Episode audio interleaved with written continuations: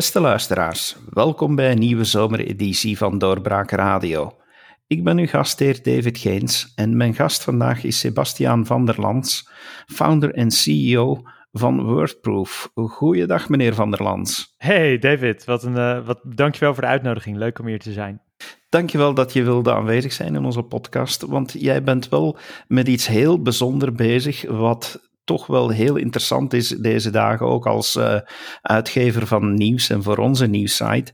En dat is, jij werkt bij Wordproof en we gaan er natuurlijk dieper op ingaan aan een systeem dat meer authenticiteit aan nieuws moet geven.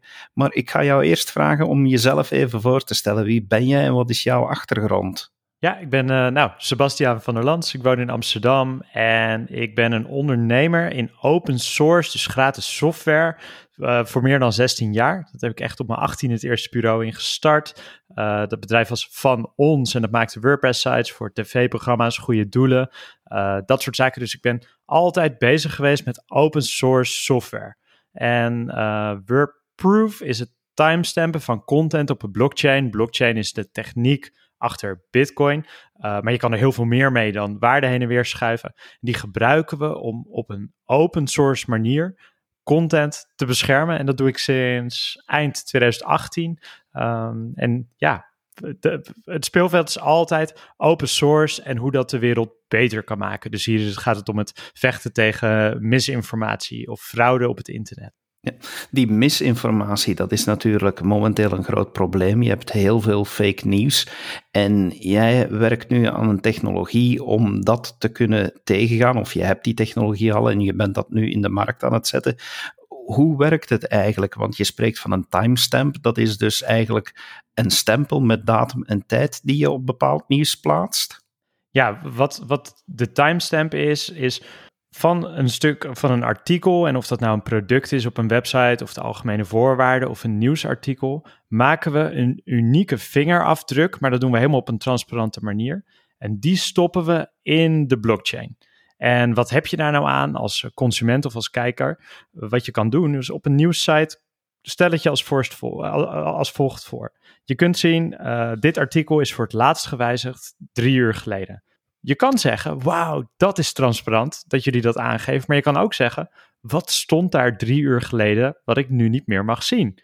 Wat we doen met die timestamp is dat je, je kan klikken op die drie uur of je kan klikken op een WordProof logootje. Elke uitgever kan zelf kiezen hoe ze dat doen. En als consument kan je dan zien, klopt inderdaad dat dat drie uur geleden voor het laatst gewijzigd was? Hoe ziet dat eruit? En nou ja, is er gerommeld met die informatie? Dat is ding 1. En ding 2 is, wie is de afzender daarvan? Want als het informatie is die jouw leven beïnvloedt, of je stemgedrag, of je gezondheid, dan wil je weten, komt het echt bij de journalist, echt bij die dokter, of echt bij die politicus vandaan? En op die manier ga je dan fake nieuws tegen. Want als het nieuws ergens wordt overgenomen en het draagt die timestamp, maar het zou gewijzigd worden, dan kan je dat nagaan. Ja, precies. En er, het heeft nog allemaal andere aspecten over identiteit en het claimen en reputaties opbouwen. Maar dit is de basis. En uh, als je alleen al als consument eigenlijk als een soort tijdmachine door informatie uh, kan bladeren op nieuwswebsites en bij webshops van hoe zijn de terms and conditions veranderd of bij uh, politieke informatie of bij medische informatie, dan kan je als consument zelf je onderzoek doen. Consument is gebruiker nummer één. En de tweede waar we mee bezig zijn is met de zoekmachines. Zorgen dat niet alleen mensen kunnen checken, maar ook zoekmachines kunnen checken of iemand echt verantwoordelijkheid heeft genomen voor zijn informatie en ook of ermee gerommeld is of niet. Met andere woorden, je bedoelt dat zoekmachines een extra waarde zouden toekennen aan de wordproof timestamp en wanneer die informatie zulke stem draagt, dat die hoger in de zoekresultaten terechtkomt? Dat kan en mag niemand beloven, maar uh, wij en velen in de zoekmachinewereld geloven dat dat gaat gebeuren. Waarbij het belangrijk is, is dat we echt een heel open source timestamp ecosysteem hebben ontwikkeld. Er is geen vertrouwen in het bedrijf WordProof nodig om dit te laten werken. Het is allemaal op een open source manier.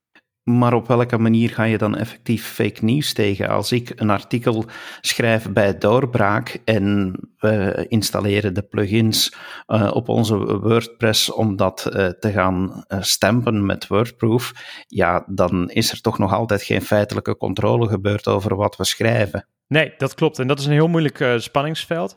Die fake nieuwsbestrijding die gaat komen omdat je kunt een timestamp, die zet je in de blockchain. Dat kan je uh, doen op een algemeen account, maar je kan ook zeggen dat account waarmee ik die timestamp zet, daar koppel ik mijn identiteit aan. En dat kan op een heel basismanier, door bijvoorbeeld als journalist je Twitter aan zo'n blockchain-account te koppelen. Op Twitter kan je nog steeds redelijk anoniem zijn. Het kan een stapje hoger, door bijvoorbeeld je LinkedIn eraan te koppelen. Of nog een stapje hoger, bijvoorbeeld door met, in Nederland hebben wij uh, DigiD, uh, maar zo heb je Europese initiatieven, waardoor je echt je overheidsidentiteit aan één blockchain-account kan koppelen. Als je dat doet, dan uh, zet je dus als het ware je reputatie van je enige echte identiteit op het spel als jij misinformatie verplaatst. En daaromheen kan uh, komen van, hey, David heeft deze podcast gemaakt, heeft die gast gesproken, heeft die gast gesproken. Daarmee bouw je een reputatie op. En die consument kan kijken, die kan zeggen, nou, ik wil alleen maar informatie zien van journalisten die zich op overheidsniveau hebben geïdentificeerd. Of alleen maar van mensen die zich op LinkedIn niveau,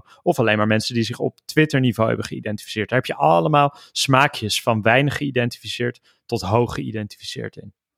Maar zit dat momenteel in het systeem in wat jullie nu aanbieden? Of zijn dat uh, ecosystemen die moeten groeien rond hetgeen wat jullie nu gebouwd hebben? Dat blockchain en identiteit, daar zijn, ik denk, wereldwijd ongeveer 100 bedrijven mee bezig. En daar is ook Europa mee bezig, daar is Amerika, daar is China. Iedereen is bezig met blockchain en identiteit. Het komende, ik schat, jaar Um, komen daar echt goede oplossingen voor. De komende jaren, maar over een jaar zullen de eerste werkzame dingen er zijn. En wij werken samen met de beweging blockchain identiteit. Dus wat het vandaag is, is echt, nou, die proof of existence van, uh, hey, de informatie bestond en je kan bladeren door de versies. En wat het sneller zal worden, of wat het de komende jaren zal worden, is dat identiteitsding erbij. Jullie hebben onlangs ook wel uh, enkele prijzen binnengehaald. In die zin erkenning voor het werk uh, dat je levert. Uh, kan je daar wat meer over vertellen? Ja, natuurlijk. Um, wat die blockchain-technologie die heeft het in zich om de beweging te maken van hey, we moeten maar vertrouwen en hopen dat alle bedrijven met integriteit hang, uh, handelen, naar hey, als consument of als koper of als lezer kan ik zelf controleren of die afzender klopt en of hoe het veranderd is over tijd. Dat is wat die blockchain-technologie mogelijk maakt. Europa heeft gezegd: wij vinden die techniek heel interessant en die hebben een prijsvraag uitgezet. En die prijsvraag heet Blockchains for Social Good. 176 partijen hebben daaraan meegedaan. Vijf partijen konden 1 miljoen euro winnen. Eigenlijk als prijs om het bedrijf door te ontwikkelen. En uh, ja, 176 partijen meegedaan uit meer dan 40 landen. En wij hebben daar de hoogst mogelijke, of de, de hoogste score die ooit een bedrijf gehaald heeft voor zo'n contest, hebben we uh, gehaald. Dus 29,5 van de 30 punten. En daarmee uh, een miljoen gewonnen en ook de erkenning van de absolute nummer 1 van de Europese Commissie. En hoe gaan jullie dan verder gaan? Wat gaan jullie nu doen om het bedrijf te laten doorgroeien? Wat we, ehm, al mijn bedrijven hebben zich altijd in die open source omgeving ge, ge, uh, daar, dat is altijd ons speelveld geweest. Dus wij weten, het, is, het gaat niet om dat, het is niet, dat hebben we ook gezegd in de overwinningsspeech, van het is niet een bedrijfje in Amsterdam wat een miljoen heeft gewonnen, maar het is de beweging van timestampen die die miljoen heeft. En een van de dingen die heel belangrijk is, is educatie. Uh, dat de burger weet dat ze de kritische vraag kunnen stellen aan een nieuwssite van hey, wat stond daar? Of aan een politicus. Hoe heeft jou, uh, welke informatie hebben jullie gewijzigd? Dus enerzijds het, eigenlijk het opleiden van de kritische consument. Anderzijds gaan we zorgen dat uh, we zijn begonnen met WordPress. WordPress doet 38% van het internet. We gaan uitrollen naar andere platforms, zodat het voor echt iedere organisatie makkelijk wordt om WordProof te integreren. En wat we ook gaan doen is inderdaad met die uh, identity gaan we verder aan de slag. Maar dat zullen we altijd doen door samenwerking op te zoeken met die 100 bedrijven die daarmee bezig zijn. Uh, en dat zijn de speerpunten, de drie. Dus educatie, uitrol naar andere platforms en identiteit. En als laatste, en dat is nog wel belangrijk, kijk, we werken samen met zowel Europa als de zoekmachinebeweging om te zorgen dat niet alleen mensen de timestamps kunnen kijken, maar dat ook overheden weten van hey, dit zijn de benefits. En dat ook zoekmachines, nou ja, de lobby opzetten uh, naar adoptie van timestamps in onder andere zoekmachines en uh, sociale media. Je werkt met open source. Veel mensen associëren open source met gratis. Ik kan toch wel moeilijk geloven dat jouw bedrijf gratis gaat werken. Dat is een goede. Um, hoe het bijvoorbeeld met WordPress werkt. WordPress is open source software. Ik zal als voorbeeld hoe dat in mijn bedrijf werkt. Mijn, mijn bedrijf, mijn vorige eh, bedrijf is een websitebureau. Wij maken software met WordPress. Wij rekenen voor de uren die wij voor de klant werken. Maar wij dragen ook bij aan WordPress. En bijvoorbeeld toen de GDPR, die uh, wetgeving over privacy kwam. Toen zeiden nou, ondernemers en organisatiecollectief van eigenlijk we moeten compliant zijn, maar we willen daar niet voor betalen, want we worden daar commercieel niet succesvoller van. Toen heeft mijn organisatie gezegd, we gaan 50 à 100.000 euro over drie jaar gaan we investeren om de beste gratis plug-in om GDPR compliant te zijn te maken. Wat levert ons dat direct op? Helemaal niks. Ehm, en het kost wel een hoop geld. Maar indirect, het was heel moeilijk in de afgelopen jaren om ontwikkelaars te vinden. Maar wij hadden die plugin gemaakt, die draaide op meer dan 100.000 Europese websites, nog steeds vandaag. En 1,3 miljoen mensen hebben die gedownload. Daardoor werd het makkelijker voor ons om ontwikkelaars te vinden uh, die voor ons wilden werken. Omdat ze het mooi vonden om aan zo'n open source project ook te mogen werken. En in de verkoop konden we laten zien, um, als een klant vroeg, hey, GDPR, hebben jullie daar ervaring mee? Konden wij antwoorden, oh, we hebben uh, 100.000 websites die onze tool gebruiken. Dan wordt het bijna een soort vanzelfsprekend om met ons bureau te werken. Dus de verdienmodellen om open source heen, die zijn wat anders. Als we nu kijken naar uh, WordProof en het timestampen, dan uh, is het heel mooi dat we die prijs gewonnen hebben. En dat die prijs ook de Blockchains for Social Good heet.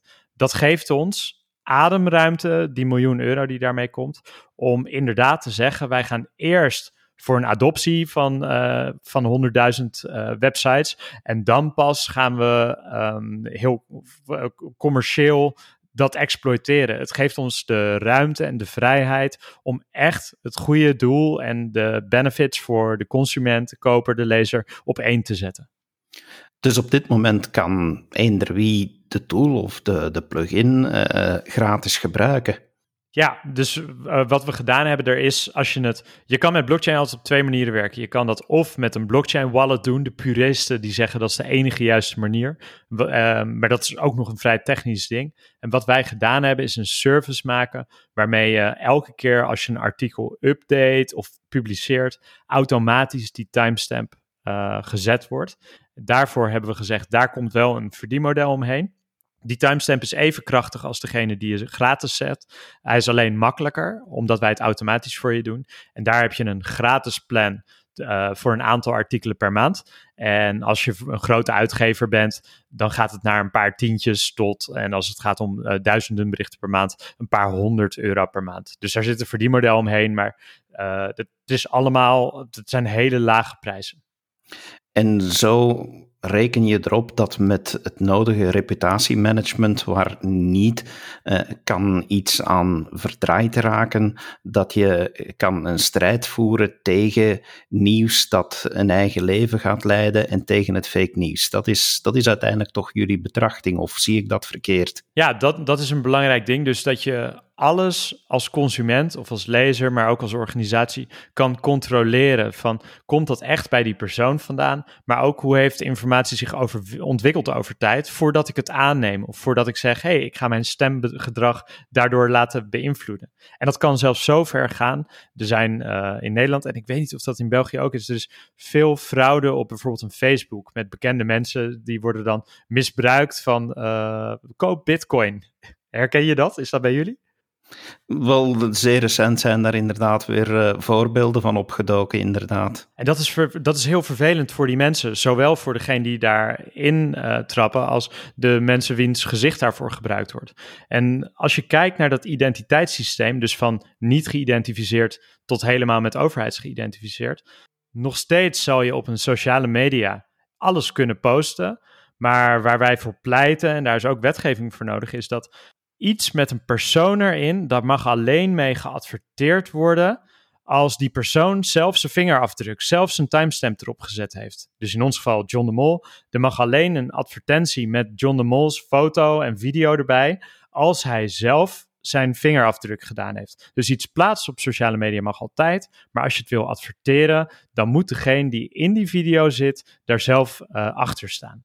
En denk je dat uh, sociale media stilaan uh, klaar beginnen zijn om zulke stappen te gaan ondernemen, om zulke identificatiemethodes te gaan implementeren? Het, absoluut niet. En, uh, maar dat waren ze ook absoluut niet om de GDPR te implementeren, die privacywetgeving. Het liefst, want ook voor een Facebook, dit staat haaks op hun verdienmodel. Want ideaal, ja, ze, zullen nooit zeggen we vinden uh, oplichting goed.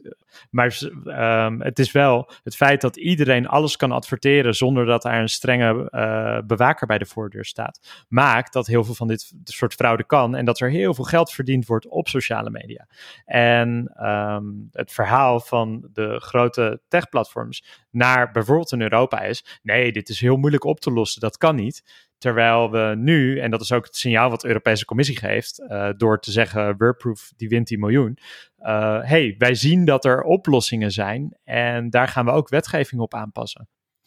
Zijn er al bekende websites die jouw systeem gebruiken?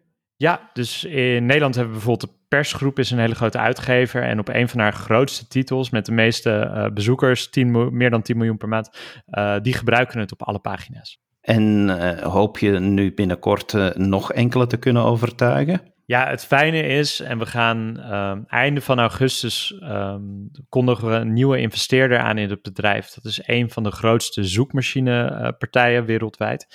Hun software draait op meer dan 10 miljoen websites.